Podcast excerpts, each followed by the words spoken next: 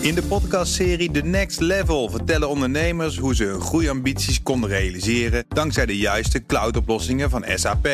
Wat waren de uitdagingen, de oplossingen en hoe ging de uiteindelijke implementatie? Benieuwd naar hun verhalen en hoe zij met behulp van SAP ook hun toekomstige ambities kunnen behalen? Luister de podcast The Next Level via de BNR-app of je favoriete podcast-app. Hartelijk welkom bij De Technoloog. Het is aflevering 330. Welkom Joe van Buurik. Dankjewel Herbert dat ik hier weer een keertje mag gaan. Ja, leuk dat je er bent. Ja, want Ben is skiën. Ben, ja, nou, dat moet ook een keer gebeuren. In, in bijna april. Dus. Ligt daar nu, de, ik weet niet waar die skiet, waarschijnlijk, waarschijnlijk ergens boven de Poolcirkel of zo. Maar dan zal de Mm. eerste sneeuw dan wel gevallen zijn of zo. Laat het maar gewoon lekker. Ik, eh, ik vind het leuk om weer aan te mogen schuiven. Het is trouwens eh, 28 maart. Dat even voor we alle gegevens paraat hebben. En we hebben te gast Rens van der Vorst. Hartelijk welkom. Ja, dankjewel. dankjewel. Werkzaam aan de Fontes Hogeschool. En je hebt een boek geschreven. Digitale Gremlins. Slimme sabotages om je te onttrekken aan de greep van het algoritme. Ja, ik wist Leuk. niet zo goed wat ik me erbij moest voorstellen toen ik het eh, aangereikt kreeg. Dat vond ik wel grappig. Nee, Nee, ja, gewoon digitale gremlins. Oké. Ja. Nee, Dus- je moet dat, gaan we zo. Maar Ja. ehm, voordat eh, we dat expliciet aan eh, Rens gaan vragen, het is trouwens verschenen bij uitgever Business Contact. Had jij een Ja, openingsvraag? ik zat natuurlijk even jou te researchen, Rens. En dan kijk ik op jouw website. En je hebt er meerdere ook nog eens. Met allerlei meerdere tapjes van al jouw persona's. Dat is een vraag voor straks. Maar de meest interessante vind ik jouw auteursfoto. Want daar zit jij gekleed als Morpheus uit de Matrix. Met een blauwe pil en een rode pil. Dus hoe lang leven volgens jou al in de Matrix, Rens? Ja, nou, volgens mij eh, leven we steeds eh, meer in de Matrix als we niet oppassen. Dat is eigenlijk, denk ik, het, eh, wat aan de hand is. Die foto is ook wat het idee van: oké, pak die blauwe pil en blijf gewoon lekker in die digitale technologische wereld waarin je in zit. Of pak die rode en verzet je ze nu en dan tegen die technologie. Dus dat is ook wel wat ik eh, daar gebruik. Maar ik denk dat we er eh, steeds meer in terechtkomen dan in plaats van minder. Denk. Kijk, nou dat bedoel Ja, ik dus. ja, ja, nou goed, oké. eh, meteen al een hele hoop te bespreken. Ehm, en die digitale gremlin speelt daar een rol in. En daarom is de volgende vraag, Rens. Wat is een digitale gremlin, het onderwerp van jouw boek? Ja, ja, het komt eigenlijk voort uit het feit. Ik geef natuurlijk heel vaak presentaties over eh, onze relatie met technologie. En die zijn altijd een beetje dystopisch, weet je wel. Dat, dat verkoopt goed, hè? Want mensen die eh, pessimistisch zijn, die komen intelligenter over. Dus dat werkt goed. en eh, Oké. heel, heel soms zit er iemand in de zaal die echt wel wat intelligenter is dan de rest. En die vraagt dan: ja, oké, prima, leuk verhaal, maar wat kan ik nou doen? En dat vond ik eigenlijk een hele goede vraag. Dat, dat vond ik zelf ook moeilijk te beantwoorden. Want alle voor de hand liggende antwoorden die slaan meestal een beetje de plank mis, heb ik het idee. Wat is een voor de hand Ja. eh, liggend antwoord dat de plank mislaat? Nou, je kunt ermee stoppen. Ja, maar dat, dat kan niet. Dat Ja. beargumenteer jij ook in je boek. Juist. Ja, of Je kan kunt- niet van WhatsApp af, want iedereen zit op WhatsApp. Nou, heb ik, nou ik toevallig niet, maar in principe Ja, kan, kan nou, dat. heel goed. Ja. Hoe, hoe bevalt dat? Nou, dat bevalt eigenlijk heel erg goed. Ja, eh, nee, niet op WhatsApp te zitten. Ja. Maar, eh, maar het, is, het, is, het is lastig. Want Ja. ja, weet je, je mist Maar dan heb je geen zoon die op voetbal zit. Jawel, want ik ben voetbalvader. En dan, en dan Wow. kunnen ze jou dus alleen sms'en of signalen of bellen. Ja, ze moeten mij bellen om af te melden voor de training. Dus ik heb altijd vrij volle trainingsbak. En daar krijg jij best veel gezeur over, denk ik. Nee, dat valt wel mee, Oh. denk ik. Ja. maar dat ik heb wel een mee. vrouw met WhatsApp. Dus als het dan echt een nood aan de man is, Ah, dan dan misbruik speel je ik vals. Ik wou zeggen. Ja, maar dat doe ik ook wel. Ja, precies. Want het is moeilijk, hè, stoppen. Dus het was Ja, een, ja, eh, nou oké, ja, maar ik, dan zijn we daar in ik elk vind het wel, wel valide. En ik, vind, ik wil ook even de inleiding van jouw boek aanhaken. Want jij stelt daar retorische vragen die ik echt heel erg goed vind. Namelijk, heeft technologie ons veranderd of alleen maar zwakke punten blootgelegd? Zijn verslavende apps de reden dat we zo vaker naar die schermpjes kijken? Of spelen ze handig in op onze behoefte aan controle, die er altijd al was? En maakte Twitter ons ongenuanceerder of heeft alleen ons gebrek aan nuance zichtbaar gemaakt? Ik, ik zat alleen al bij die pagina minutenlang van... pff, Ja, dit- pff, ik vond dat echt best wel lastig. Ja. En jij, ja. jij stelt jezelf dus om de havenklap dit soort vragen. Dat klopt. Ja, en ik denk ook wel dat ik daar zo nu en dan wel eh, hier en daar een glim, glimmertje van een antwoord zie, maar het is heel lastig. Oké, want ik wou net zeggen, kom maar op met de antwoorden. Door. Ja. Nou ja, bijvoorbeeld Twitter als- voorbeeld. Ja. Ik- Kijk, ik denk ergens, ergens hebben wij, zijn wij als mens aan de oppervlakte best wel eh vervelende, vervelend soort. Mhm. We zijn een beetje impulsief en snel boos. En we willen eigenlijk eh, makkelijke antwoorden op complexe vragen. En mensen in hokjes Ja. plaatsen. En trots op onszelf. Ja, trots, jaloers, dat soort dingen. Naar En- praten over anderen. Juist. En Twitter die eh, speelt er heel erg op in. Want elke tweet die een beetje in die richting zit, die wordt natuurlijk gepromoot. Hè? En die wordt overal weggezet. Je zou ook kunnen zeggen als Twitter zijnde... van nou, maar misschien onder de oppervlakte zijn wij ook eigenlijk best wel slim. En aardig en empathisch en vriendelijk. Als je een beetje dieper kijkt. Stel dat ik nou een hele boze tweet st- stuur. Stel. En ehm, Die eh, heb je zo'n large language model, hè, zo'n chat GPT-achtig ding. Dat ziet dan van, hé, hey, dat is een boze tweet. Ja, Die hou ik even 10 minuten vast. onderdrukken. Ja. Hou ik even, nou niet onderdrukken. Ik hou hem even 10 minuten vast. En over 10 minuten zeg ik, joh, wil je hem echt sturen? Dan denk ik dat er best mensen, zou, weet je, digitale variant van tot 10 tellen. Ja. Dan zou je proberen met technologie onze betere ik aan te spreken in plaats van onze slechtere. Maar dit is heel concreet eh, een technologische oplossing voor de impulsiviteit van de mens. Ja, dat klopt. Ja, dat, dat klinkt als een no-brainer. En absoluut niet wat Big Tech wil. Want dat betekent dat we onze woede niet meer gaan ventileren op, Ja. technologische platformen. Daar is geen verdienmodel voor. Nee, Nee, aan de oppervlakte is meer geld te verdienen. hoogstens voor een paar eh, lifestyle coaches. Maar dat is ook dan gauw weer voorbij. Ja. Want dan zijn alle mensen rustiger geworden. Ja. Maar eh, dit is typisch technoloog, geeft verder niet. Dus we drijven alweer af. Maar wat is nou een digitale gremlin? Ja, ja, een digitale gremlin, die, dat is dus zeg maar een, eh, een hele speciale manier om je te verzetten tegen een invloed van technologie waaraan je irriteert. Ja, voorbeeld. Nou, bijvoorbeeld, eh, stel je voor, eh, eh, nou, je irriteert je bijvoorbeeld aan mensen die meezingen of die eh, filmen tijdens concerten. Dat vind ik super irritant. Want ja, weet je, jij gaat naar een concert en heeft twee redenen. Je wil het samen beleven. Hè? En als iemand anders met zijn telefoon zit, Zeker vlak voor je. dat, dat is helemaal irritant. Want dan, maar die, en dan kijk, als iemand 10, 10 seconden filmt, dan vind ik prima. Maar gewoon een heel nummer lang. Ja, en dan bijstellen, inzoomen, uitzoomen. Helderheid maximaal, hè? Juist, continu. Vreselijk. Ja, en dan ook nog zo'n zo'n zo'n zo'n groot model telefoon voor je neus. Of een tablet. Ja, dat kan je aan irriteren. En dan kun je wel een gesprek aangaan, maar met dat soort mensen is het lastig praten, heb ik ontdekt. Dus dan ga je nadenken als digitale gremlin. Oké, hoe kan ik me daar nou eh, tegen verzetten, waardoor dit ophoudt? En dan zou je kunnen, bijvoorbeeld voor kunnen kiezen om wat dichter bij zo iemand te gaan staan. En heel hard, heel vals als je wilt, mee te zingen. Want eh, dan weet die, die filmer weet eigenlijk meteen van... oké, eh, dit filmpje is verziekt. Want hierop staat niet Ed Sheeran... maar hierop staat eh, die, digita- die digitale gremlin die meezingt met Ed Sheeran. Ja, Rens van der Vorst is dat. Altijd. Bijvoorbeeld. Ja. Of iemand anders. Maar ik vind wel dat je hem nu alweer heel erg... Want ik heb je hele boek gelezen. Ja, Nu weer heel erg iemand verstoren. Terwijl volgens mij gaat het jou nog veel meer om technologie verstoren. ja. Dus, Ja. dus het algoritmes tegenwerken, eh, eh, het tracking omzeilen. Oh, maar Eh, voordat- als, als ik je de reden mag vallen over, over dit voorbeeld, wil ik nog wel graag weten. Heb je dat echt wel eens geprobeerd? Dat, ja zeker. En werd je op je bek geslagen? Nee, zeker niet. Nee. Oh. Want wat, eh, mor- mor- mor- moreel gezien voelt ook de filmer wel... dat eh, het meezingen met een concert moreel echt wel superieur is aan het filmen tijdens het concert. Oh? Oh. Ja, Ja. Oké, dat vind ik ook wel interessant. Ja. Ja, Dat voelt hij. En dat, daar word je niet voor op je bek geslagen. Nee, dat eh, dat gaat prima. Maar goed, dan over die techbedrijven die Ja. jij dus eigenlijk wil dat wij moedwillig gaan sarren. Tussen aanhalingstekens, want het is niet alsof ze er iets van merken als Dat iets de- doen wat schaalt. Ja, Ja. ik bedoel, eh, la- laten we wel zijn. eh, duizenden mensen gaan jouw boek lezen. En daarvan gaat ehm 25% denken, nou, ik ga dat eens even uitproberen. Hè. Ik chargeer. Ja. En dan, dan gaan er dus een aantal mensen gaan, gaan VPN's aanzetten. Die gaan incognito vensters gebruiken, kom ik zo nog even op. Gaan eh, met opzet eh, al hun familieleden op één Netflix-account laten kijken Mhm. om dat algoritme te verzieken. Dat zijn de voorbeelden die jij in je boek beschrijft als digitaal gremlinnen. ja, nou de eerste twee niet eens hè. Oké, Want wat ik heel erg specifiek. Kijk, ik heb, dit vind ik wel een goed idee hoor, overigens, die jij zei. Maar ik ben heel specifiek op zoek gegaan naar ehm, eh, een digitale gremlin is iets. Je doet iets om een, eh, een technologiebedrijf te sarren of een algoritme te verstoren. En het moet, eh, het moet voldoen aan een aantal uit- uitgangspunten. Dus het moet leuk zijn. Het moet geen moeite kosten. Het hoeft- en je moet er niet technisch voor zijn. Mhm. En ehm, eh, je, het moet legaal zijn, uiteraard. En als je het doet, moet jij je goed voelen over jezelf. En als iedereen het doet, nou, dan wordt de wereld beter. En voor VPN's instellen of zo, ja, dan moet je wel technisch voor zijn. Het kost wel een beetje moeite. Want dan, dan doen apps het soms niet, moet je weer reconnecten, moet je dingen doen. En dat schaalt niet zo snel. Dat hebben we wel geleerd in de afgelopen 10, eh 15 jaar. Dus ik ben aan het dus- zoeken naar dingen die echt makkelijk zijn. Dus eigenlijk stel jij toegankelijke, speelse manieren voor voor mensen om eh, haaks op de progressie van digitale technologie te gaan staan. Ja, ja en ik, ik heb er zelf een hoop bedacht in het boek. Hè? En sommige die zijn dan eh, gezocht, vergezocht. En sommige zijn gelukt en sommige iets minder. Maar ik probeer vooral mensen te inspireren om ze, om ze zelf te bedenken. En ze met mij te delen. En Ja. dat begint ook al een beetje op gang te komen. Daar ben ik wel tevreden over. Ja. Heb, heb jij, ben jij ook geïnspireerd, Herbert? Ehm, nou, ik heb zitten nadenken en eigenlijk vooral, ehm, wat doe ik al op dit gebied? Ja.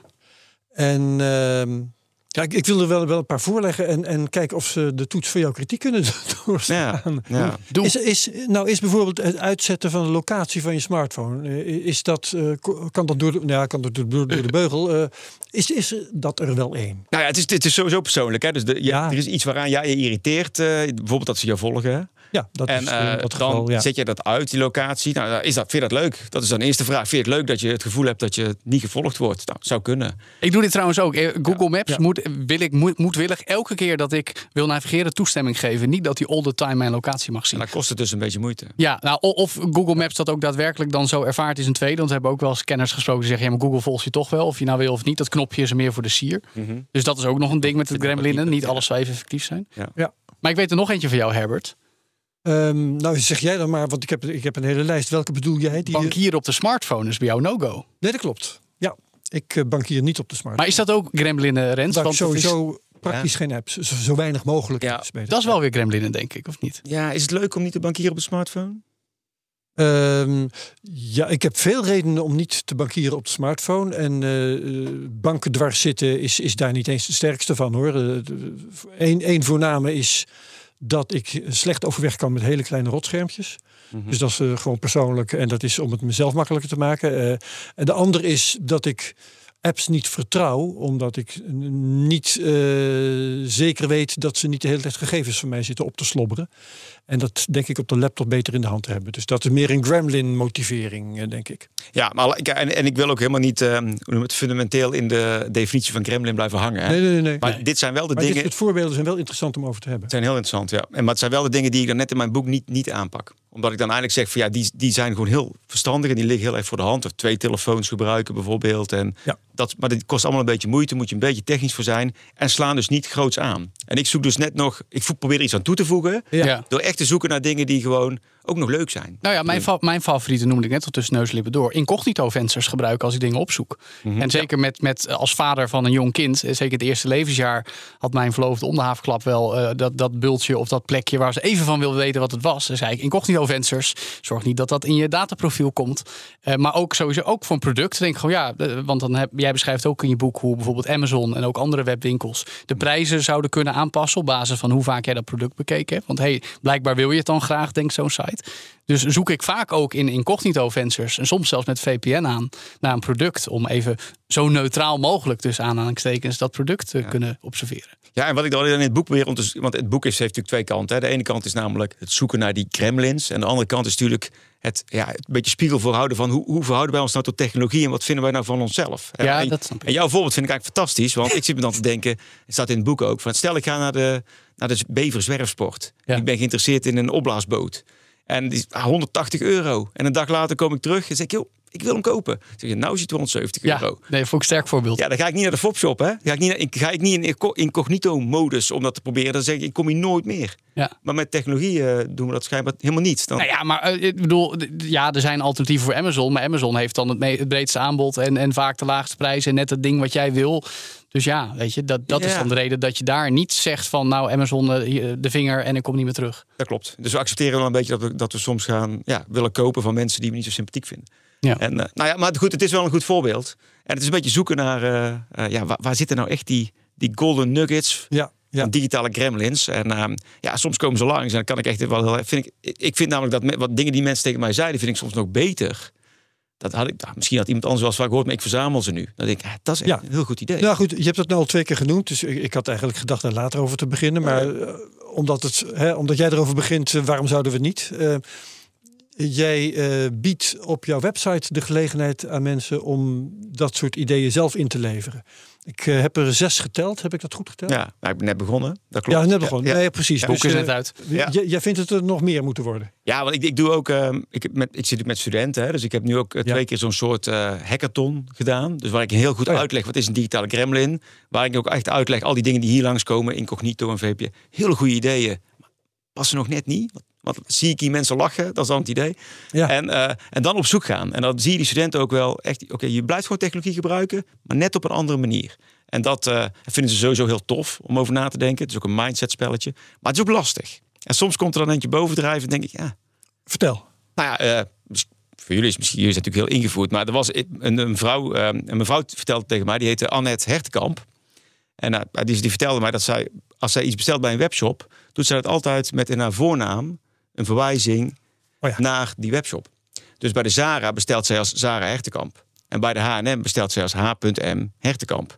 En soms krijgt ze dan een half jaar later van een of andere vage instelling, in dit geval was het van Stellar, krijgt ze een, een mailtje. Dan staat er Deer Zara Hertenkamp. En dan weet Ja. ze, die hebben mijn, eh, mijn e-mailadres Oh, bij datalekken. Ja. Ja, oh, Ja, dit data- vind ik een hele goeie. Of data doorverkopen. Hè? Ja, ja, ja, ja. En dan kan zij zeggen van, hallo, jullie hebben mijn eh, e-mailadres verkwanseld. Of ze kan Zo. het online plaatsen. En als je natuurlijk werkt met andere e-mailadressen, zo is het moeilijk te bewijzen. Maar op deze manier kan je laten zien van, daar klopt iets niet. Deze is wel heel slim. En, Ja, dat is eh, en dat vertelt dan iemand tegen mij.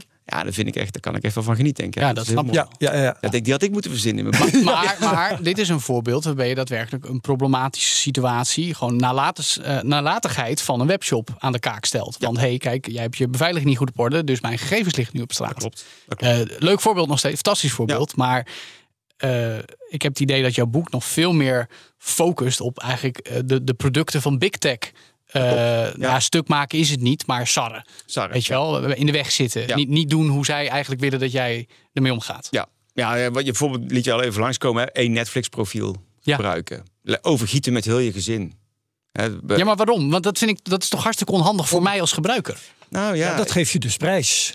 Ja, maar dat, is wil ik helemaal prijs die je niet. betaalt voor het fijn en hak zetten van. Ja, maar kijk, een incognito venster. Oké, het enige is dan, dan heb ik het afhankelijk van de Daar heb je browser. Niet geen meer- last van. nou ja, dan staat het niet in mijn geschiedenis soms. Dat, dat Ja. is soms vervelend. Ja. Maar bij Netflix, ik wil die aanbevelingen hebben. Want ik heb maar weinig tijd om Netflix te kijken. Dan wil ik ook, oh kijk, dit, dit, dit komt nu en dit wil ik zien. Dan kun je net hebben dat, er, eh, dat je nog langer eh, naar Netflix Dan moet ik eindeloos kijken. zoeken. Want dan moet ik door al die meuk die erin is gekomen... dat mijn zoon van twee ook wat dingen op Netflix gezien heeft. Ja, het zijn wel een paar dingen op te zeggen. Hè? Want dat, dat, kijk, eh, waarom wil je dat? Hè? Eh, Ja. Het is toch een soort algoritmische mars naar het eh, gemiddelde. Meer Zeker. van, het, meer van hetzelfde. Ja, Het is ook wel fijn om ze nu, als, als je zegt van verras mij, dat zegt Netflix, kun je verras mij klikken. Ja. Ja, dan word je niet verrast, want dan krijg je gewoon meer van hetzelfde. Maar als je één profiel gebruikt, ja, dan word je Ja, verrast. maar ik vind dus, dit dus next fiets als mensen die zeggen... als jij in een onbekende stad bent, een nieuwe stad voor jou... gebruik geen Google Maps om een restaurant te vinden. Ik ben verdorie misschien wel voor het eerst... of eh, voor het eerst sinds lang in die stad. Ik heb één avond, ik wil goed lekker eten. Ik ga naar het restaurant met 4,8 sterren. En die vind ik op Google Maps. Hm. Dus ja, ik, ik, ik kan het ook niet doen... maar dan, dan heb ik mezelf te pakken. En waar woon jij? Ik woon in Amersfoort. Ja, en als je in Amersfoort, eh, kijk je wel eens naar de top 10 eh, van de beste restaurants? Ja, inmiddels ken ik ze, maar die heb ik ooit gevonden via eh internetsites. Ja. Oké, als, als ik, ik woon in Breda en als ik naar de top 10 van, mijn beste, van de beste restaurants in Breda kijk, hè, volgens TripAdvisor of Yelp of zo, denk ik, Ja. nou, daar zou ik echt nooit gaan eten. Oké. En Ben je er allemaal geweest? Ja, tuurlijk. Maar het zijn van die gemiddelde. Want ja, weet je, het is gewoon een algoritme. ons een, vrienden een zijn. mars naar het gemiddelde. Dus Jawel. ik denk, ja, idee, dus wat je zoekt is die ene gave gast die je kent, die die stad kent. En die ga je Nee, eens. eens. Ja. Klopt. Maar Dus- als ik iemand niet ken in die stad, dat niemand ken in die stad. Nou, dan, dan heb je, dan weet, kijk, als je niet weet of het ergens anders nog leuker is, dan is het waarschijnlijk leuk op de plek waar je bent. Ja, maar zalig zijn onwetende Rens. Ja, nou, maar dat, dat is ook zo. Ja. Dat is ook zo. Nee, ik zeg, dat zeg ik niet altijd, hoor, want ik doe het ook natuurlijk. Maar het is het zoeken naar die balans van. eh, Ja, ja, ja. waar- Maar in je boek ben jij deze discussie voor, want je zegt ook het, zijn perso- het is persoonlijk. Hè? Ja. En Ja. eh, eh, Ja. Wat, de een, wat voor de ene geslaagde gremlin is, is het voor de ander niet. en per Nee. casus verschillend zou ik daar willen Zeker. En Kijk, het begint ook met irritatie. Dus als, je die, als jij Ja. je niet irriteert, ja, dan moet je ook helemaal niks aan doen. Daarom vind ik het leuk om er eentje bij te halen waar wij waarschijnlijk over van, zeker van, over van mening verschillen. Zo goed. En dat ehm, is eh, op een, eh, op een of nou, in een restaurant of op een terras. Waar je een QR tegen- QR-code tegen kunt komen die eh, de ober oproept. Hè? Dat is ongeveer wat die doet. Nou, je kunt meteen bestellen. Je kunt komt, meteen- je kunt komt meteen iemand bestellen. langs met, een, eh, met, met, met het drinken, zeg maar. Jij bedoelt, eh, je scant de QR-code en je geeft aan wat je wil en het wordt naar je tafel gebracht en verder heb je geen interactie. Ja, dat. Ja. Ja, geweldig, vind ik. Maar jij vindt, het, jij vindt het vervelend. Ik vind het verschrikkelijk. Ja. Waarom? Nou, kijk, ik zit wel. Dus ik ben ook in het boek ook wel iets genuanceerder in. Hè. Ik ben al- als er een restaurant is of een eetgelegenheid waar alles draait om efficiëntie, de Starbucks of een fastfoodrestaurant of iets, dan vind ik het prima dat je het zo doet. Maar als dingen draaien om een eh, avond uit of een ervaring, dan vind ik dat eh, dat, we dat, dat dat verziekt wordt door die QR-code. En ik heb echt het gevoel van efficiëntie wordt overschat. Op sommige plaatsen hoort efficiëntie eigenlijk niet te zijn. Op sommige plaatsen eh, hoort andere dingen belangrijk te zijn. En je moet je telefoon weer pakken, en je moet weer scannen. Je hebt geen interactie. Je kan niet tegen de open zeggen, joh, eh, wat staat er op het menu? Wat heb je op de tap? Iets. Weet je, ik vind het terras vind ik een beleving. Een restaurant vind ik een beleving. En een QR-code die, doet- die doet daaraan af, vind ik zelf. Hè? Ik volg dat wel en Ja. ik ben het er niet mee eens. Mhm. Omdat ik me juist huizenhoog stoor aan ehm, eh, lang moeten wachten op bediening. En daar vind ik die QR-code een fantastische oplossing voor. Ik zou je vertellen, ik heb één keer eh, heb ik met mijn echtgenote, met, met het hele gezin trouwens, eh, op een terras gezeten. En wij werden duidelijk compleet vergeten. We, hebben, we zaten in een beetje een uithoek. En ik denk dat we een half uur hebben zitten wachten. En er was nog niet eens een ober of serveerster langs geweest. Toen heb ik de technologie te hulp geroepen. Dat wil zeggen, ik heb het over twintig jaar geleden. Hè. Dus ik heb toen vanaf het terras het restaurant gebeld. Hé hey jongens, wij zitten hier, hier aan deze tafel. Komen jullie nog? Nou, toen kwamen ze. Ja. En zo'n QR-code de- zou een schitterende oplossing zijn geweest daarvoor. Ik zal het je sterker vertellen. Ik was pas een paar weken geleden was ik in een restaurant. Daar kregen wij, eh, toen de ober voor de eerste keer langskwam, kregen wij een, een soort digitale zandloper. Hè, dat was een cilinder, die kon je omdraaien. En als hij rechtop stond, nou ja, rechtop, maar eh, zoals hij ons gegeven werd, eh, had hij een wit lampje aan de bovenkant. Het was een neutrale stand. Had je iemand nodig, dan draaide je hem om. Dan kwam er een rood lampje te branden. En ik denk dat hij ook een of ander ehm, radiosignaal eh, gaf. Want als ik dat deed, dan kwamen ze echt onmiddellijk. Terwijl ze volgens mij niet echt de hele tijd stonden te loeren. Dus ik denk dat er een alarm afging. Een soort zachte noodknop als je nu behoefte hebt aan een nieuw drankje of frietje. Als je, ja, precies. Zoals je in een vliegtuig een knopje hebt om de stewardess te roepen. Heel simpel. Hè, druk dit in, dan komen we. Eh, en die QR-code is voor mij net zoiets eigenlijk. Dus ik, ik vind dat geweldig. En ik, ik ben bijna boos op jou, omdat je in je boek voorstelt als gremlin-truc... Ja. om die QR-code met de viltstift onklaar te maken. In te kleuren, ja. Ja, Klein ja, beetje. Ja, Denk ja. je, hebben veel mensen dat gedaan intussen? Ik Dat weet je- niet, ik wel. Maar... Jij wel? Ja. ik moet wel vertellen dat er een. eh, ik, ik gaf een presentatie bij eh, Binnenlandse Zaken. Ja. En toen kwam er een man op me af, een keurige man. En die vertelde mij dat hij bij een sushi-restaurant altijd ging eten. Mhm. En dat hij daar eh, sinds kort met een QR-code moest bestellen. En dat vond hij verschrikkelijk. Want dan kun je dingen toevoegen. Hij vond, hij vond het verschrikkelijk. Hij had altijd een goede relatie met die ober. Die kwam wel snel. Want je moet niet door elkaar halen, niet snel komen en QR-code. Dat zijn twee verschillende dingen. Maar Ja. die kwam wel snel. En eh, nu moest hij plotseling met QR-code bestellen. kwamen alleen mensen die niks zeiden, die brachten die sushi. Dus wat hij had gedaan, dat was veel erger als ik. Het was echt een keurige man. Wat hij had gedaan, had een foto gemaakt van de QR-code. Oh ja. Dan was hij mee naar huis gegaan. En had hij gewoon eh, drie dagen later had hij met een andere telefoon die QR-code gescand. En was hij gewoon dingen gaan bestellen voor die mensen die op dat moment aan tafel zaten. Oeh, dat en ook een erg. grote QR, zo'n grote boot, zo'n sushi-boot. En eh, Dat is ook gremlinnen. dat is, dat is leuk. Ja. Ik weet niet of het legaal Nou ja, nee, Mm, precies. Want dan ben je nog. dus echt bezig het restaurant eh, gro- grotelijks te benadelen. Zeker. Ja. Zeker, dat klopt, dat klopt. daar maar kun het zat, het, zat, kritiek op hebben. het zat bij hem diep. Maar ik vond het wel een, go- een goed verhaal. En eh, het, is, het blijft persoonlijk, maar het is wel zo dat wij soms door elkaar gooien. Eh, ik vind het ook heel vervelend als ik lang moet wachten op Ja. een, eh, bij een restaurant. Ik vind alleen niet de oplossing dat dan met een QR-code moet. En dat er Nee. iemand die, waar ik geen enkele interactie met me heb, gewoon die glazen op mijn tafel zet en meteen weer vertrekt. Maar ik wil wel zeggen, dit en ook eerder het voorbeeld van de filmende concertgangers, dat zijn milde tot behoorlijke irritaties. Mhm. Terwijl in je boek beschrijf je ook situaties van bedenk je even goed of je dit wel wil. Zeker. En dat resoneerde heel sterk, want eh, ik heb nauwelijks een slim huis. Geen verlichting, gewoon alles met ouderwetse knopjes. eh, geen camera's, geen video doorbellen. Zelfs geen alarmsysteem. Ik hoop dat er geen potentiële dieven luisteren. ik zit niet op TikTok. Ik heb liever fysieke fotoalbums. Ik spreek mensen liever face-to-face. Bellen kan ook dan dat ik ze berichten stuur. Ehm, zeg je eigenlijk gewoon, vraag jezelf even af... Ja. of dat voor jou niet een fijne manier van leven is... dan alles slim en digitaal en technologisch maken. Ja, zeker. Want, want het is precies terecht dat je dat zegt. Hè. Kijk, ik zeg heel duidelijk van, joh, stoppen is heel moeilijk. Maar niet aan beginnen is wel een optie. Ja, ik TikTok heel bewust niet. Nee. Nooit aan begonnen. En er zitten ook een paar voorbeelden in het boek, hè, waarin ik probeer uit te leggen, zowel een, eh, zo- zo'n slimme speaker in je huis, of, een, Ook eh, niet doen. of zo'n slimme, zo'n slimme deurbel eh, met een camera. Als je er nog niet aan begonnen bent, nu heb je nog een kans. Hè. En dan probeer het ook heel erg duidelijk uit te leggen. Doe dat nou niet. En eh, dat, dat, dat lijkt me echt heel erg. eh, denk daarover na wat nou de impact daarvan is. Maar jij doet dit al heel lang toch, Herbert? Eh, ja, ge- eh, sommige dingen wel, andere dingen niet. Eh, ik ben, eh, merk ik zelf, vrij heftig verslaafd geraakt aan Twitter. Ja. Dat, maar dat komt mede omdat het voor mijn werk erg nuttig blijkt te zijn op allerlei ja, manieren. dat heb ik ook. Ehm, maar aan de andere kant staat dan weer, dat durf ik wel te zeggen, als ik, als ik naar buiten ga, het bos in, dan neem ik mijn telefoon niet mee en mijn echtgenote bijvoorbeeld wel. Die vinden het veel moeilijker om eh, een tijdje niet bereikbaar te zijn. Eh, maar als ik het bos in ga, dan ga ik ook echt het bos in. Deze vind ik heel sterk, want mijn verloofde en ik hebben echt geprobeerd om een tijd de smartphone niet mee de slaapkamer in te nemen. Mhm. Niet gelukt. Op een gegeven moment gaat hij toch weer mee onder het mom van ja, maar daar zit mijn wekker op. Terwijl je kan prima een ouderwetse wekker kopen.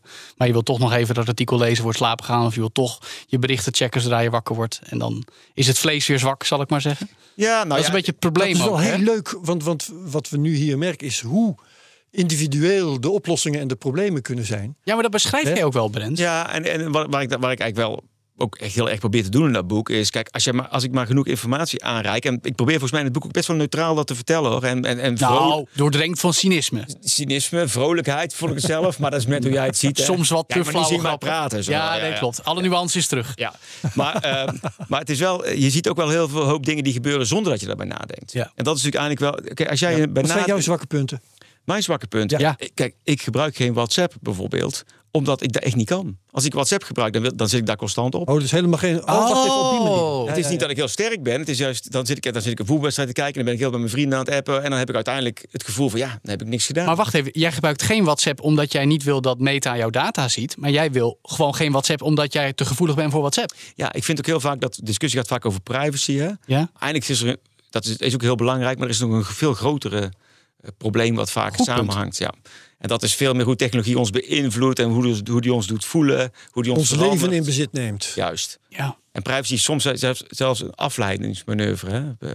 Ik, ik zat ook het boek. Laten we het maar over privacy hebben. Dat is tenminste objectief en, en, en netjes. Dan hoeven we niet toe te geven dat het ons leven in bezit neemt. Ja, dat Ja, is een de- beetje een excuusje. De corona-app was privacy technisch klopte die misschien heel erg goed. Hm. Maar als ik eh, niet binnen mocht, mo- was ik de, moest ik uitleggen wat het probleem was. En niet het systeem, bij wijze van spreken. Hè? Dus dat verandert allerlei dingen aan de andere kant. Ja. En ehm, dus, dus zeg maar die zoektocht van waar is dat nou eh, voor jezelf belangrijk. Bijvoorbeeld met, de met smartphones zeg ik ook van kijk, als je snapt dat alles wat we doen een combinatie is van gemak en motivatie.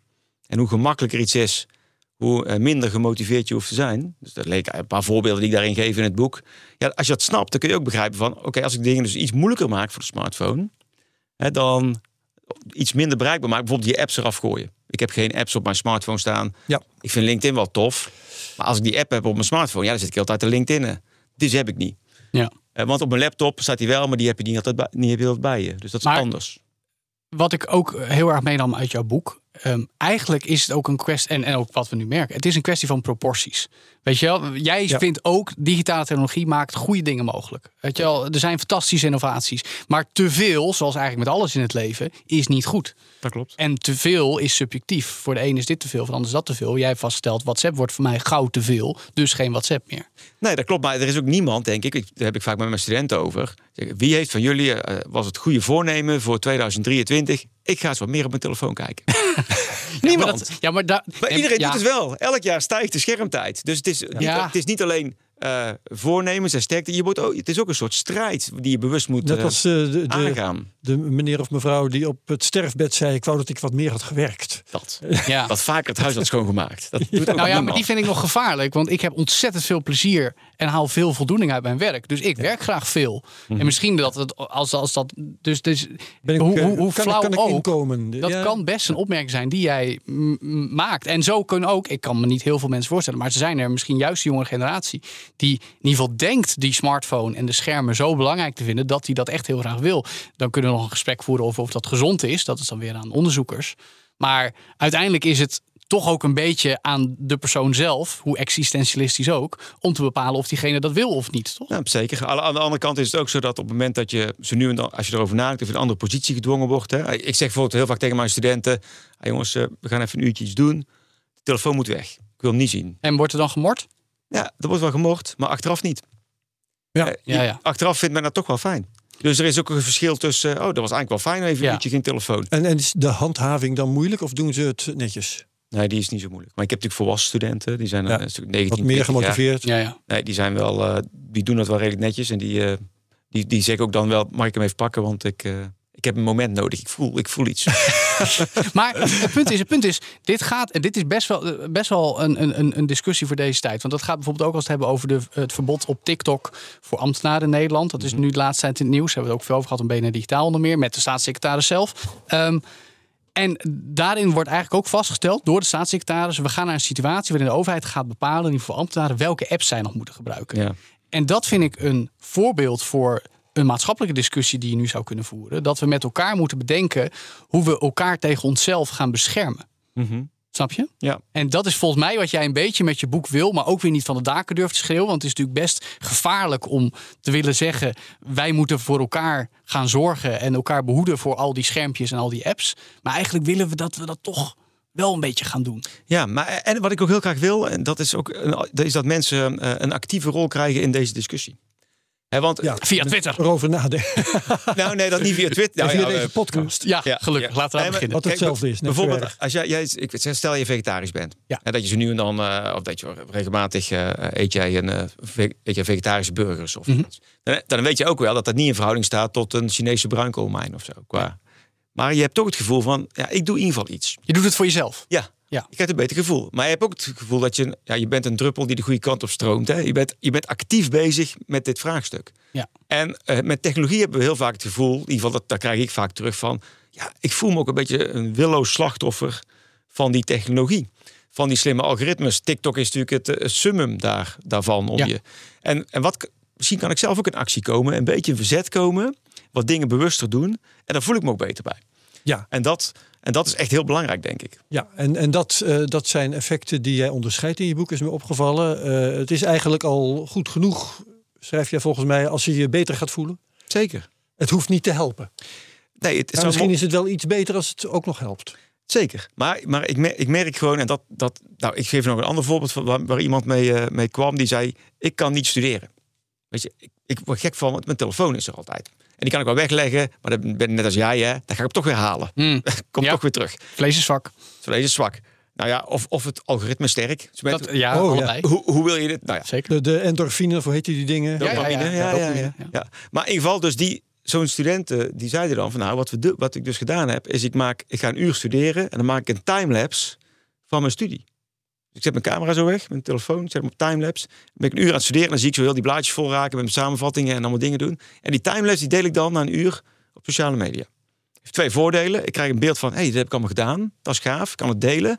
Maar gedurende die, gedurende die timelapse kom ik natuurlijk niet aan mijn telefoon komen. Want Nee. dan stopt hij. Ja. Dus dat, dat, nou, dat, dat bewust daarover Ja, nadenken van hoe kan ik die technologie dan gebruiken Ja. om iets te doen, dat vind ik tof. Nu is dit een voorbeeld waarbij diegene eh, zichzelf helpt en niemand benadeelt.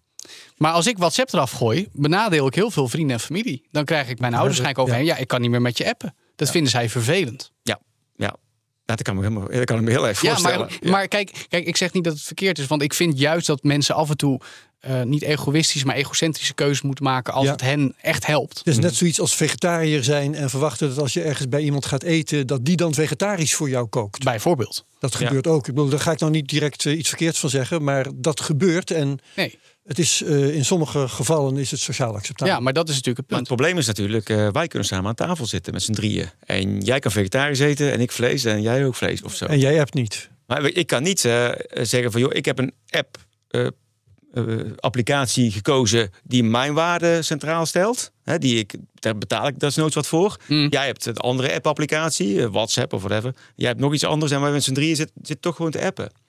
Dat gaat niet. Nee, maar dat is techpolarisatie, Rens. Ja, ja, nee, dat is gewoon bij design natuurlijk. Dat is Ja, het netwerkeffect. En op, op het moment dat ik weer voor de organische eh, app-applicatie om de hoek zou kunnen kiezen, dan, dan verandert het speelveld wel. Dan kan ik ook andere keuzes maken. Ja. Nu is het vaak ja, WhatsApp of niks. Ja, Signal, maar daar zit niemand in. Dan zit ik ermee. Ja hoor, Nou wij. ja, wij ook. Ja, maar jullie. dat, Ja. Wij, wij zijn gek. Zo, nou, gaan we met z'n drieën een ja. via Signal maken. Ja, ja. Vegetarisch graag. Nee, hoeft Ja. niet per se. Nee, dus, Dat, dus dat is ook wel. eh, en zo'n voorbeeld van die timelapse. Is, die- ja, je benadert wel een klein beetje het technologiebedrijf, want je bent wat vaker offline. Nou, dat is wel heel erg Ja, gering. maar- vooral wat jij net zei, hebt, je voelt je beter. Ja, en, en eh, nou goed, Joe, jij signaleert in sommige gevallen eh, doe je niemand kwaad. In andere gevallen zorg je dat anderen wat meer moeite moeten doen hè, om jou te bereiken bijvoorbeeld. En in andere gevallen maak je het jezelf iets moeilijker. Ja. Maar ja, dat zijn gewoon, ja, dat zijn gewoon categorieën. Nou ja, maar ik vind het, ja, maar ik vind het grappig. Kijk, en zeker al, wie tech bewust is, zoals wij, en ik denk ook een hoop luisteraars, die, heeft daar, eh, eh, al, die is daar al lang mee bezig. Maar ik weet nog, mm, pak een beetje 15 jaar geleden, toen Twitter er net was en toen het tijdje op weg was, dat als ik merkte dat iemand met wie ik een, een leuk contact had, mij niet meer volgde op Twitter, dat ik dat raar en vervelend vond. Zonder überhaupt te beseffen, oh, diegene wil gewoon zijn, zijn of haar tijdlijn een beetje opschonen. En die zit niet te wachten op die tweets van die student Joe die het alleen maar over videogames heeft. Ja. Dus Ja. de, de, de, de, het verwachtingspatroon aan de andere kant, zeker als het gaat om keuzes maken, wat doe je nog wel en wat doe je nog niet, wat daarmee eigenlijk interacties kan afsnijden met anderen, dat, dat, dat is best wel een, een proces, zeg maar. Ja, absoluut. Ja. En, en, en, dat, dat denk, en, en daar helpt jouw boek natuurlijk bij van, joh, denk na. Je wel? Ja, ja en, en vooral ook, weet je, je, er zijn er waarschijnlijk natuurlijk best wel vaak boeken over onze relatie met technologie. En ik, ik vind die leuk om te lezen, maar die, hebben wel, die zijn wel vaak eh, hoog, redelijk hoog over. Hmm. Of complex. Of je bent het ermee eens, maar dan denk je, dan denk je heel erg, en nu, wat moet ik nu doen? Of ik, snap, of ik vind het moeilijk, om, ik snap het niet helemaal. En, en wat ik wel heel erg geprobeerd heb in het boek, is het ook gewoon, ja, weet je, voor iedereen redelijk toegankelijk te maken. En dat doe je mijn met- zoon van 15 vindt het ook wel, is wel mijn zoon, hè, dus die, wel- die heeft wel een bias hoor. Die, maar heeft, die heeft, die heeft jouw humor, wil je zeggen. Nee, nee, nee. Niet eens? Zou die willen? Zou die willen? Nee, maar die vindt, die vindt het ook leuk om, om het te lezen, zeg maar. Dat is wel een beetje het doel. Het moet wel ook, ja, het moet ook wel een beetje. Het moet aankomen. Nou, het moet leuk zijn om erover na te denken. Het moet, Maar het moet ook leuk zijn om, om te doen, eh, zeg jij en schrijf jij. En laten we over een aantal eh, andere voorbeelden hebben. hè. Want wa- wat ik dan bijvoorbeeld fascinerend vind, dat is dat jij schrijft dat geen Google gebruiken, dat dat eigenlijk te veel gevraagd is. Ja. Eh, ik ken eh, aardig wat mensen die geen Google gebruiken bewust. En dan kun je zeggen, ja, dat zijn juist weer techners. Is in sommige gevallen ook wel zo. Maar je kunt, ehm, ik weet niet eens of je dat weet trouwens, eh, je kunt geen Google gebruiken en toch Google gebruiken. Mhm. Door Startpage te gebruiken. Ehm, dan, dat wil zeggen, dan, dan gebruik je technisch wel Google, maar Google weet niet dat jij het bent. Ja. Weet je Ehm, dat zeker? Of ik dat zeker weet? Ja, Nou, dat Google niet weet dat jij het bent. Ik, ik weet dat in zoverre zeker dat Startpage zich wel eh, behoorlijk heeft laten, hoe noem je dat ook weer, eh, certificeren. Hm. Dus in, in die zin is dat wel redelijk aangedaan. Sterker nog, ik heb de effecten wel eens gezien. Eh, dat ging als volgt. Ik had bepaalde zoektermen ingetypt in, in Startpage. En ehm, had ze daarna ingetypt in Google. En had in mijn onschuld eh, tegen iemand die ik toevallig kende gezien. Moet je nou eens kijken. Ik krijg Startpage zegt dat ze eh, voor mij in Google zoeken. Maar als ik hetzelfde doe in Google, dan krijg ik andere resultaten. En toen zei die ander, daar zie je dus het effect van dat Google eh, eh, in sommige gevallen niet bij Startpage weet dat jij het bent. En in andere gevallen wel weet dat jij het bent als je Google gebruikt. Dat is nou net het effect dat, dat Startpage beoogt te bereiken. Ik hoor weer een gremlin voor het lijstje van Ja, ik hoor het ook. Mooi. Ja.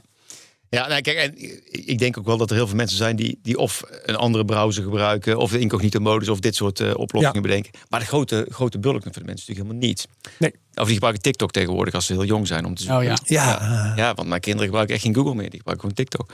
om te zoeken bedoel je. Om te zoeken. Ja, Ja, dat Ja. kan ik me dus helemaal niets bij voorstellen. Nou ja, maar dat goed, ik ben er ook in het bijna nieuws ook, bejaard. inderdaad. Ja, maar dat doen ze dus wel. Uh, maar, maar en, het, en ja, ik hoorde, vorige week hoorde ik ook de technoloog. En dan hoorde ik ook dat, weet je, 30% van de mensen weet maar wat de AVG is. Ik denk, oh, wat, dat, dat hoor ik al.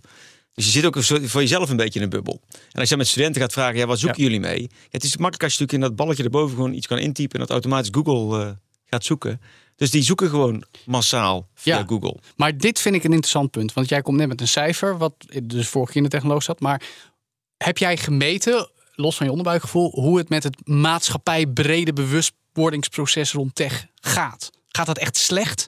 Of, of kunnen we ook een beetje optimistisch zijn met elkaar? Want ik heb het idee, maar ja, heel erg NS1 in mijn bubbel, dat we langzaam maar zeker in ieder geval beter beseffen wat tech allemaal kan en gaat doen met de opkomst van AI dan 10, 15 jaar geleden. Ja, en, ik, ben, daar- ik ben daar niet zo heel positief over. Oh jee. Ik, want ik denk dat ik het eens ben met jou. Hm. Alleen, er wordt geen consequentie aan verbonden.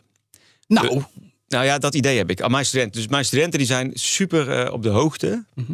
dat ze hun data gestolen wordt. Dat ze gemanipuleerd worden. Dat ze meer op hun telefoon zitten dan ze eigenlijk zouden willen. Ja. Dat die grote techbedrijven niet hun waardecentrale hebben staan. nou, toen ik 20 was en studeerde, wist ik dat echt niet. nee, maar ze doen vervolgens niks. Ja. Nou, dat is jammer. En dat is, nee, maar dat, dat is dus. Dus, dus ik ben het Ze ondergaan het. Dus ik, nou ja, ze, ze Ja. passen hun gedrag er niet op aan. Hm. Dus ik zeg ook altijd van, eh, oké, eh, de af, weet je, volgens mij 15 jaar geleden of zo, toen was Twitter nog bijna genomineerd voor de Nobelprijs. Ja, ja, ja, dat haal je ook aan in je boek. Ja, lente. hè? ja, ja. En eh, eh, inmiddels ehm, eh, ja, staan ze er iets minder goed op. Dus de, onze bewustwording van de schaduwzijde van technologie is heel erg gegroeid.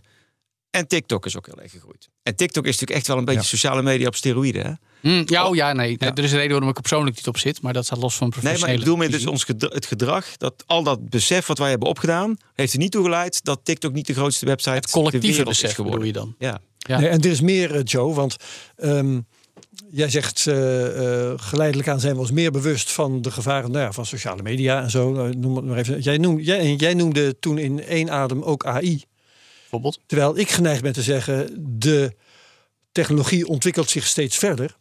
Dus we zijn ons wel bewust van de gevolgen van de technologie van pak een beetje tien jaar geleden. Ja. Maar van de gevolgen van AI juist wat nu op, als een raket bezig is omhoog te komen, zijn we, wij hier in deze zaal misschien eh, nog net wel, maar Ja. is het grote publiek zich helemaal niet bewust? Nee, nee, maar daarom was het ook een vraag. En, en, Ja. en, en zeg ik Ja. er ook in één adem bij dat het NS1 is om aan te geven. Ja. Ik denk dat we wel. Kijk, ik denk nog steeds wel dat het bredere techbewustzijn is toegenomen ten opzichte van 10, 5 jaar geleden, collectief. Hè? Nee, dat Wat jij ik zegt. Helemaal mee eens. Precies. En dat geeft in ieder geval een voedingsbodem. Dat mensen ook een boek zoals jouw werk zullen lezen en sneller zullen snappen wat het, eh, wat het beoogt dan 10, 15 Maar er is altijd, in mijn betoog is dan, er is altijd weer nieuwe technologie. Ja, zeker. waar we ons niet van bewust zijn. Ja, ja, ja, maar, Dus lopen we altijd achter de feiten aan. ja, maar misschien minder dan 10, 15 jaar geleden. En misschien dat, ik probeer het in het boek ook wel een beetje aan te stippen, dat je ook wat grotere vragen moet durven stellen. Mm. Hè, dus bijvoorbeeld, kijk, wij hebben natuurlijk in het onderwijs zitten natuurlijk helemaal druk bezig met al die generative AI. En wat betekent dat nou? Ja, cetera. onder meer ChatGPT en al die andere Ja. Eh, oplossingen daar zijn. En de, de belangrijke vraag is natuurlijk die je moet stellen, is niet van moeten we dat bannen of eruit gooien of niet, maar hoe zorgt er nou voor dat mensen meer kunnen leren? En dat wij als docenten meer tijd kunnen besteden aan onze studenten en ons vak. Ja. En dat zijn belangrijke vragen. En die moeten elke keer terugkomen. En die zijn heel moeilijk te beantwoorden. En ChatGPT is wat dat betreft natuurlijk gewoon... eh, nou, hij weet in ieder geval niet wat een digitale gremlin is, want doet hij niet aan mee. heb ik dus gevraagd van kijk, dit is het. En ik beschrijf het en geef een paar voorbeelden. Ja. En dan zie je dus dat hij heel conservatief is en heel erg bezig is met de instituties en bedrijven zo te beschermen. Want dat gaat hij echt niet doen. Van nee, nee, want... kunnen- Wat gaat hij precies echt niet doen? Leg eens uit. nou, hij zegt dus niet van. Dus ik zeg van, kijk, eh, hij moet aan deze eisen voldoen als digitale gremlin, die ik toen straks vertelde. Ja. Dit zijn een paar voorbeelden. Bedenk jij er eens een paar van. mij. Nou, ChatGPT kan geen digitale gremlins voor jou bedenken. Nee, nou, dat kan hij wel misschien, maar dat doet hij niet. Wil hij niet. Dan zegt hij, Hij nee, ja. dat. het, eh, Het staat haaks op hij zijn vindt doel. dat ethisch niks. Hij vindt ook niet dat je eh, bedrijven eh, kwaad mag doen of instituties of wat dan ook. Want dat, hij is heel conservatief. Hè? Het is heel, eh, Ja, ja, heel ja, eng, een eng brave bijna. Rick. Ah, ja, eng. Beetje oor, hij Nou, aan de kant van tech. Oh, ja, hij, is, ja, hij kiest de kant van tech. En vervolgens gaat hij ook zeggen van... wat je wel kan doen, Rens, heel leuk... is je kunt een Spotify-lijst aanmaken... een positief nummer inzetten... en dan met al je vrienden vragen om ook een positief nummer in te zetten. En dan heb je een leuke lijst met positieve nummers. Ik vind Dat het best is een leuk idee. ja, maar nou, Wat is een geen. Ontzettend. Ja, dat. dat. Nou, en toen dacht ik echt van, oh ja, oké. Dus deze die eh, helpt mij nog niet. Maar, ehm, ja, eh, eh, maar ik heb dat, die, dat zie je ook hoe snel het gaat. Ja, die zit nog niet eens in het boek. Over, Nee, eh, wat leuk. Ja. over, Ja. over tips, of beter gezegd ontradingen gesproken. Eentje die mij echt een beetje vies van je er viel. Nu ben ik aan de beurt. komt. Ja. Jij ontmoedigt het kijken naar de Social Dilemma op Netflix. Ja, Dat is een andere dan ik dacht dat zou komen. Ja. Terwijl ik juist.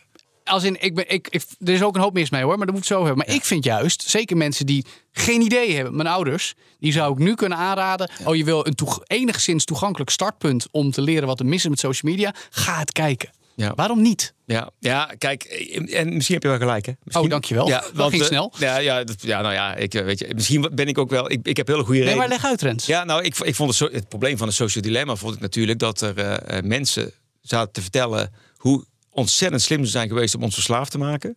En nu ze weer ontzettend slim zijn om te vertellen Ja, dat we niet meer verslaafd moeten zijn en gemanipuleerd worden. Dus ze doen boete als het ware, maar niet echt. Het is alsof je een drugsdealer hebt, hè, die komt uit Ibiza gevlogen met zijn eh, privéjet. Die komt jouw kinderen op school vertellen hoe slecht drugsdealen is, want hij is street, street eh, en dan wil nog complimenten daarvoor ook. en dan vliegt hij weer terug. Ja. Maar dat kan je eigenlijk alleen maar doen als je eerst boete hebt gedaan, vind ik. Dus je moet eerst eigenlijk door, eh, ja, eh, geef je geld Wel weg. heel Calvinistisch. Hè? Nou, dat vond ik wel. Nou ja, dus ik vond, iets, ik, vond die, ik vond het heel irritant, maar, maar de tweede is dat, wij, dat je in die documentaire worden wij wel heel, en dat vind ik de kern van mijn boeken, we worden wel heel erg weggezet als stomzinnige slachtoffers die heel makkelijk te manipuleren zijn. ja, maar dat, dat, vind ik onschat. toch ook? Nee, nou, ik, Ja. dat, dat, dat is de doel. ik probeer onze better me aan te spreken. Toch? ja, dat snap nee, ik. eh, Ja. Maar dat probeert er wat aan te doen. Maar eh, volgens mij ben je het met die uitgangssituatie wel eens. Hè? Ja. Nepnieuws Ja. is niet voor niks ik zo heb, succesvol ik, ik, geweest. eh, sorry dat ik het zeg, Rens, maar ik vind de social dilemma en jouw boek een aanvulling op elkaar. Ja, oké. Nou. Ik hoop niet dat ik je Dat beledigd heb. Nee, je mij compliment. helemaal niet. Nee, maar eh, ik, ik oprecht. ja. Omdat het, het, is, het, het is allebei een, een, een, een toegankelijke manier van mensen bewust maken van eh, de dingen die tech allemaal met je doet. mhm. Ja. En, en dat is al moeilijk genoeg, stellen we hier al eh, drie kwartier met elkaar vast. Ja. Ja. Nee, toen jij net aankondigde dat je iets in, op tafel zou leggen, toen dacht ik dat jij het wilde gaan hebben over stemmen op een beta.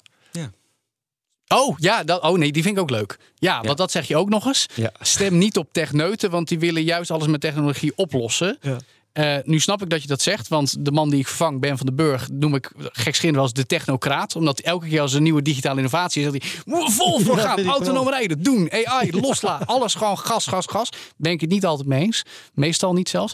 Maar ik vind juist dat we ethische techneuten, om het zo te noemen, die de politiek ingaan, hulde, gelukkig zijn het er weer een stel tegenwoordig, in het zadel moeten helpen om hun uiterste best te kunnen doen om, eh, ja, nu, ik, ik weet dat het ambitieus is, eh, big tech en, en tech aan te pakken met regels. Om ons tegen onszelf te beschermen. Wat we net Wacht even, voordat, voordat Rens, want ik zie Rens ademhalen. Ja. Eh, ik, ik, ga, ik ga dit even aanvullen, omdat ik het zo leuk vind.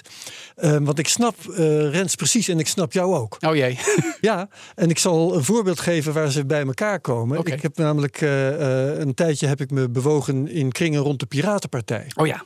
En dat is een hele interessante partij die heel goed nadenkt over allerlei technologische problemen, maar die ook vol zit met mensen die eigenlijk fan zijn van technologie. En nou weet jij in elk geval, Joe, dat ik ontzettend sceptisch ben over digitaal stemmen. Ja. En ehm, ik hoorde, en de, nou goed, daar heb ik me in verdiept en zo. En er zijn ontzettend veel goede redenen om digitaal stemmen, om dat eh, ontzettend uit de weg te gaan. Eh, ik had in die tijd ook contact met Arjen Kamphuis, die tragisch is verdwenen in Noorwegen, maar die ook heel kritisch was op. ja. En Heeft een die- boek geschreven.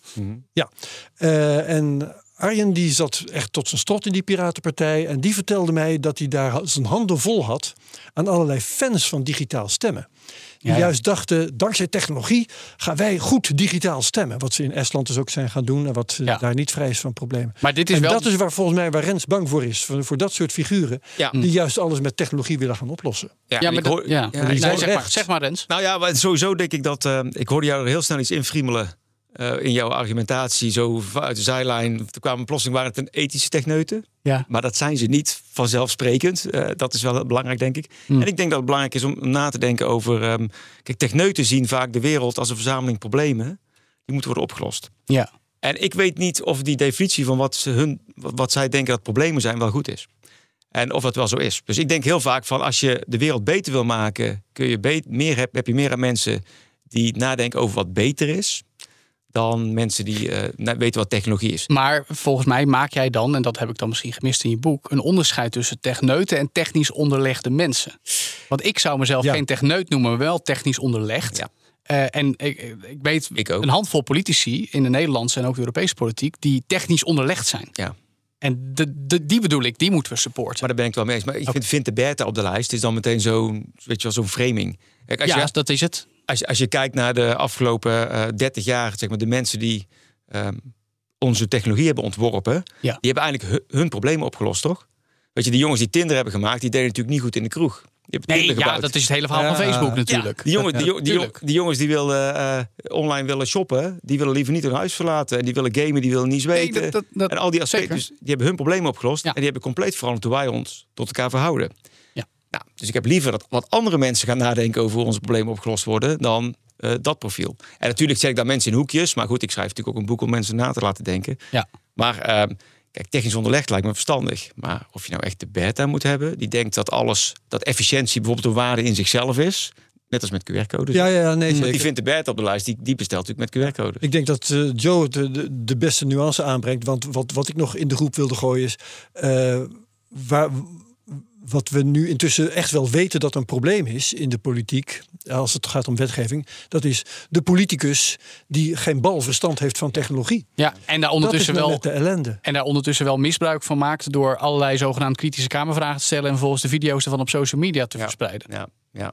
Dus dat is nog eens een dubbel probleem wat we hebben als Ja. het gaat om technisch onderlegd of beter gezegd niet onderlegd zijn. ja, je zag het pas weer hè, met de TikTok-discussie. Tuurlijk. Weer hetzelfde probleem dat eh, Ja. geen idee heeft waar het over gaat. Ja, nee, maar daar ben ik het wel, eh, Ja. wel mee eens. Ja, oké. Maar misschien is dat Dat was dan. ook weer. Uh, Senator, de we run technisch out.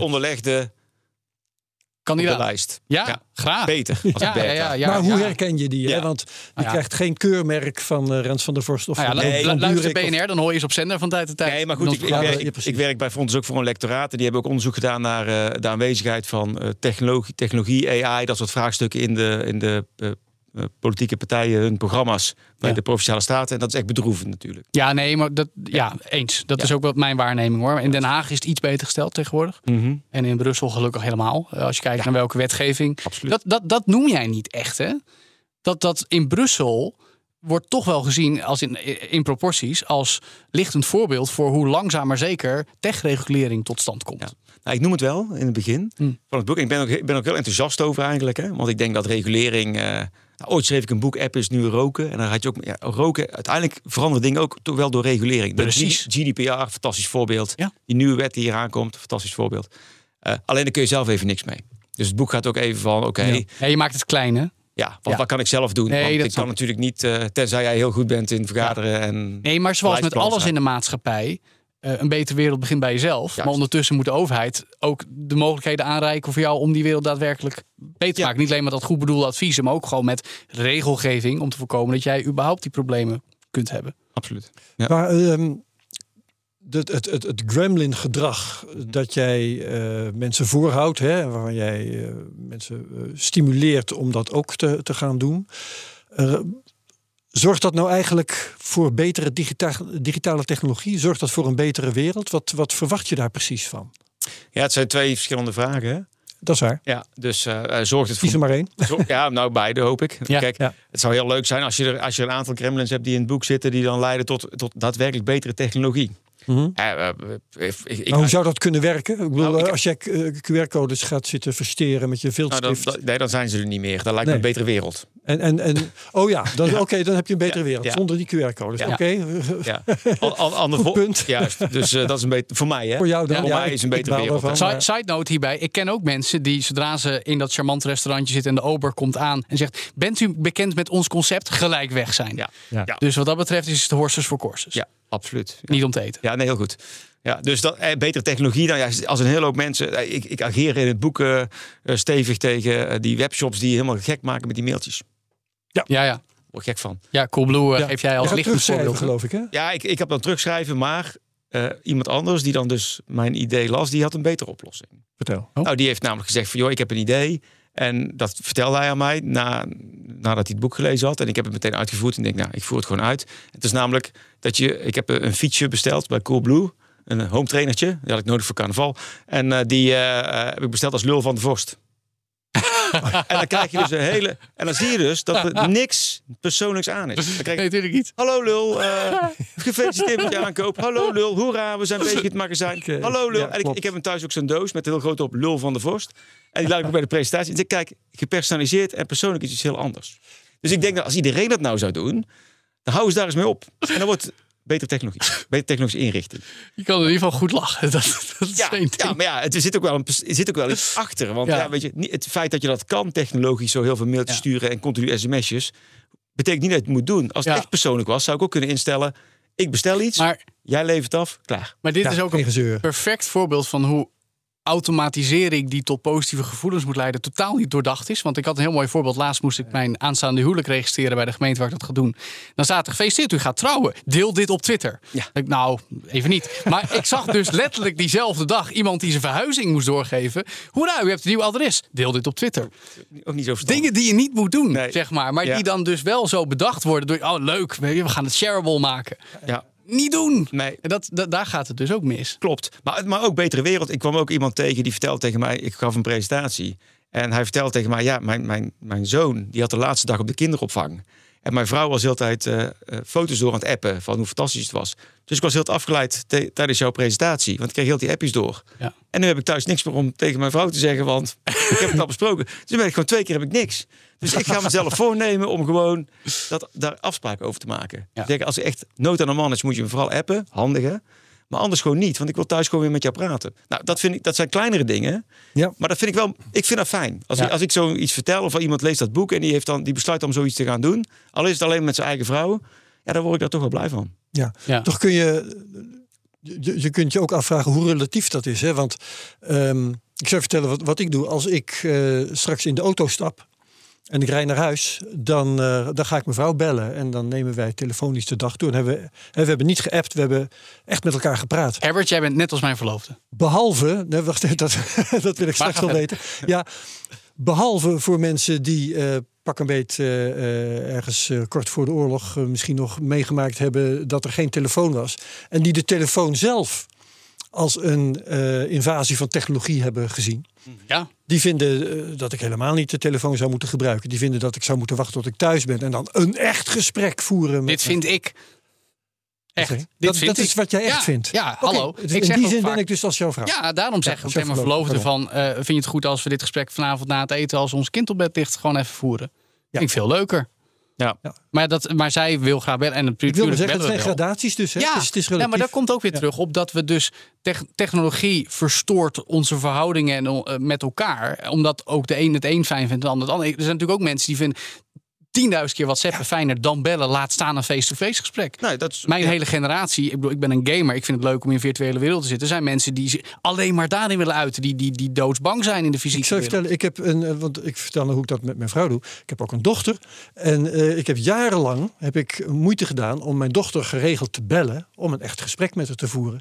En na een, echt serieus een paar jaar kwam ik erachter dat ze appen veel prettiger vond. Nou ja, ik bedoel maar. Sindsdien appen. Maar dat is eigenlijk wat jou, wij- jij misschien ook wel bedoelt, Rens. We moeten het ook gewoon met elkaar over hebben. ja, dat vind ik heel belangrijk. Want kijk, het technologiebedrijf aan zich heeft een heel ander belang. Ja, dat, dat is het punt, hè? Ja, en soms is dat eh, ja, eh, opgeleid met jouw belang en dan is het allemaal prima. En soms helemaal niet. Maar door de- je moet er wel goed over hebben. En je moet dus ook begrijpen wat het belang is, hoe jij in elkaar zit. En dat probeer ik wat uit te leggen, zodat je veel meer kan nadenken van, nou, hoe, hoe wil ik me daartoe verhouden? Wat lijkt mij een goede oplossing? En dat, eh, ik zie overigens dat, dat jongere generaties, mijn kinderen dan, die zijn er ook wel weer wat handiger in. Ja. Ik zie ze met Snap bezig. Wanneer wel online, weet je, even checken van, je mag mij niet vinden, maar als ik ga stappen dan wel. Of als ik moet kijken of ik veilig thuis ben komen en weer uit en aan. Ik hoorde laatst van mijn achterneefje van 18 dat hij zelf moedwillig met TikTok gestopt is. Want hij was er klaar mee. Ja. En dan, dan krijg ik weer een beetje hoop. Ja, nee, ja. Is, is er genoeg hoop, Rens? Ja, nou, weet je, het- ik denk wel dat er genoeg hoop is. Ik heb ook Toch wel, vertrouwen in ons als eh, eh, mensen. Maar ik denk wel dat er heel hard aan gewerkt moet worden. En ik denk, en waar we het net over hadden, ik denk dat het echt, het net als met roken, hè, het is hetzelfde samenspel. Ja. Dus het is bewust worden, het is het gevoel hebben van meeroken en mee-appen. hè. ja, ja, ja. Ja, ja, ja, ja. ja, Ja. ja. Ga jij maar in het theater zitten en iemand naast jou zit de hele tijd te appen, terwijl jij hem helemaal niet Ja, kent. Hè? ja. Dan, kan je, dan kan jij niet meer kijken. Second-hand apps. Verschrikkelijk. Dus dat, dat idee en regelgeving. Ja, En door daar het juiste samenspel in te vinden, ben ik daar best optimistisch over. Maar dan moeten we wel aan werken, want technologie gaat ook snel. Maar Rens, geen telefoons meer in de klas is dan een zegen. Ja. Het gaat echt de goede kant op als, we, als, het, als het er komt. Dat is Ja, natuurlijk nog een ja, ding. Dat Nou is onderweg. Ja. Ja, dat is natuurlijk een discussie die heel erg loopt in uh, met ja, maar name dat, het dat, moet toch, dat onderwijs. moet dat dan toch een watershed moment voor jou zijn. Als Ja. daadwerkelijk onze kinderen eh, geen telefoon meer in de klas mogen hebben. Ja, nou, Want dat gaat echt heel veel veranderen, toch? Dan. absoluut. Ik denk dat dat ook een heel goed idee is. Ja. Uh, ik denk ook wel dat je daar ook gewoon... ehm, want ik zie nu ook wel dat scholen daar heel erg eh, soms terughoudend in zijn en soms niet. Hm. Uh, ouders spelen ook een bepaalde rol in. Die, die, die, heel, Ja. die, heel die school is natuurlijk ook ingericht omdat je een telefoon moet hebben. Want je krijgt roosterwijzigingen bijvoorbeeld continu door via je telefoon. Ja, maar dan hang je Ja. ze maar weer gewoon Maar in de in de hal. heb je die niet Ja. nodig. Ja, dat deed dat ging in, dus eh, niet opa, maar papa. In mijn tijd hing het ook gewoon op een A4'tje in de hal en het ging prima. Die is ziek en jammer, dan ben je maar op school. Ja, nou en een, en een monitor waarop je dingen Ja. live kan aanpassen als nodig is. Maar daar heb je die smartphone echt Ja. niet voor nodig. Nee, maar op zich, je kunt het beschikbaar maken voor een smartphone. Maar er is geen enkele noodzaak dat leerlingen dat eh, tijdens het tweede uur eh, op vrijdagochtend tijdens de Franse les gaan zitten Nee, maar dat is mijn punt. Je kan het Ja. gewoon 's ochtends zien en anders loop je in de pauze even Nee, langs. ik bedoel, het mag best digitaal beschikbaar zijn. Tuurlijk. Maar de leerlingen hebben in die les de telefoon niet nodig nee, om nee, dat te nee, nee, raadplegen. erom, erom, erom. Ja. Dat is Ja, een- en, dat- wat, en, wat, dat en wat je heel erg ziet, in die, wat ik heel erg in de discussie zie en ik heel vaak in mijn werk zie, zijn twee dingen die opvallen. Hè. Dus als jij kritisch bent op technologie, dan word je heel vaak geframed als, nou jij bent tegen vooruit. Tegen, tegen ja, vooruit. met ouderwets. Mm. Bent je ouderwets. Ja, niet bovendien ben ik boven de 50. Ja, en terwijl, terwijl ik dan denk, nee, maar je kunt best kritisch zijn op technologie en vol vooruitgang. Ja. En het tweede is dat ja. Ja. technologie heeft wel zichzelf voor geframed. Technologie is iets moois, is iets goeds. Dus als jij de kritische bent, dan kom je wel ons feestje verstoren. Dat kan niet de bedoeling zijn. Ik heb toch het idee dat dit een generationeel verschil is. Want Ja. als ik met mijn dertigersvrienden praat als 34-jarige, dan word ik meestal begrepen als ik mijn kritische bezwaren over tech uitspreek. Ik Ja. kom zelden mensen tegen van mijn leeftijd die zeggen: ja, maar nee, hallo, je bent tegen innovatie. Maar misschien dat dat bij de oudere generatie of juist bij de jongeren anders is. Ja, dat zou kunnen. Bij de of misschien bij jouw vrienden anders is. Dat kan nou, ook. Natuurlijk NS1 weer, Ja. maar dan, dan nog. Ja, Ja, ik hoop dat je meer dan één vriend hebt. Nee, Nou, ik ben NS1. ik, heb, ik, ik, ik ervaar het zelf mm, iets minder, maar ik, ik zie dat zo. Weet je wel, ik zie de discussies bijvoorbeeld over die, het verb- verbieden van smartphones op school dan Ja, gaan. ja, ja. En dan zie ik dus eigenlijk dat de argumenten aan de andere kant voornamelijk ja, meer afspelen in het feit van je moet met je tijd mee, je bent niet modern. En, en in plaats van Mm. Nee. dat we inhoudelijke argumenten geven. Je, je, je bent juist al heel modern geweest en, en, en hebt het idee, modern is helemaal niet goed. We moeten terug in de Ik tijd. ben voor vooruitgang. Ja. Dus iets al- en vooruitgang en technologie moeten we, als we dat een beetje kunnen ontkoppelen, Ja. dan kun je ook veel betere gesprekken voeren volgens mij. Zijn er eh, goede Gremlin-trucs om met eh, ChatGPT, hè, de, de laatste ontwikkeling? Van, nee, dat zei je, die heb je nog niet. Nou, ik hoop dat ik ze krijg. Hè? Door, mensen, ze- ja, ja, door ja, mensen te ja, ja. inspireren. Daar, eh, eh, ik zie allerlei dingen voorbij komen met ChatGPT. ja, nou, ik er zijn in ieder die geval. je hebt een profiel nodig om, eh, om, om ChatGPT te gebruiken. Dan gaat Ja. het al mis eigenlijk. Ja. Als je, als je op een vasthoudende manier eh, rare dingen tegen ChatGPT blijft zeggen, dan komt er vroeg of laat wel iets raars eh, terug. Nee, ja, je kan een stuk maken. Dat, Ja. dat hebben we Ja. inmiddels al gedocumenteerd af. Ja, precies. Ja. Ja. Maar het is wel, het is wel echt zo'n typisch zo'n ehm, eh, ontwikkeling waarin je dus ook wel heel erg kunt afvragen. En ik doe het in het boek ook wel eens een paar keer van. Maar welk probleem waren we eigenlijk aan het oplossen met deze, met deze Ja, dat moet je je blijven afvragen. ChatGPT? Hadden we een probleem dat we niet genoeg. Nou ja, sommige mensen hebben een probleem met een essay schrijven of een e-mail opstellen. Dat probleem wordt hiermee mogelijk opgelost voor ja, veel mensen. ja, maar is dat ook echt het achterliggende probleem wat dan opgelost wordt? Dat weten we waarschijnlijk pas over 10 of 15 jaar.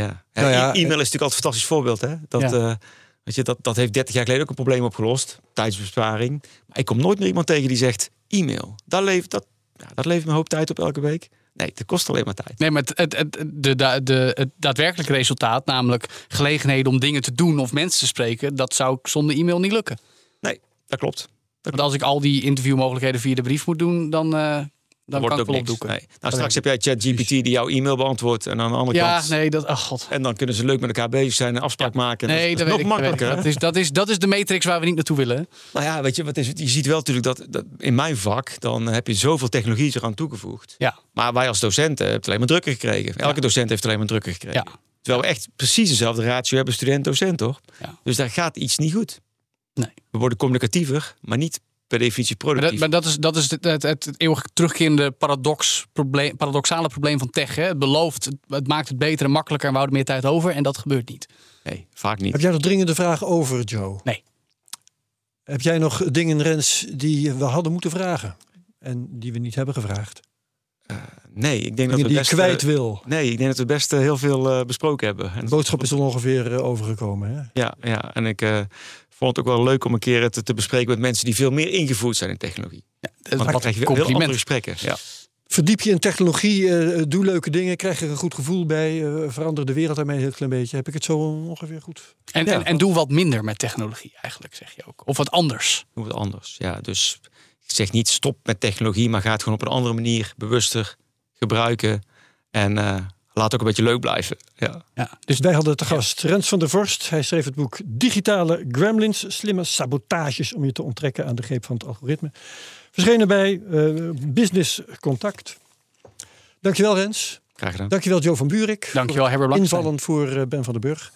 Dankjewel luisteraars voor het luisteren en het ter harte nemen van alle dingen die hier eh, vandaag voorbij zijn gekomen. Dit was Technoloog 330. Heel graag tot de volgende week, tot de volgende Technoloog. Dag allemaal.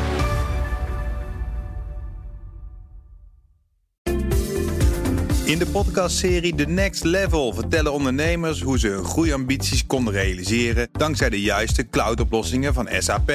Wat waren de uitdagingen, de oplossingen en hoe ging de uiteindelijke implementatie? Benieuwd naar hun verhalen en hoe zij met behulp van SAP ook hun toekomstige ambities kunnen behalen? Luister de podcast The Next Level via de BNR-app of je favoriete podcast-app.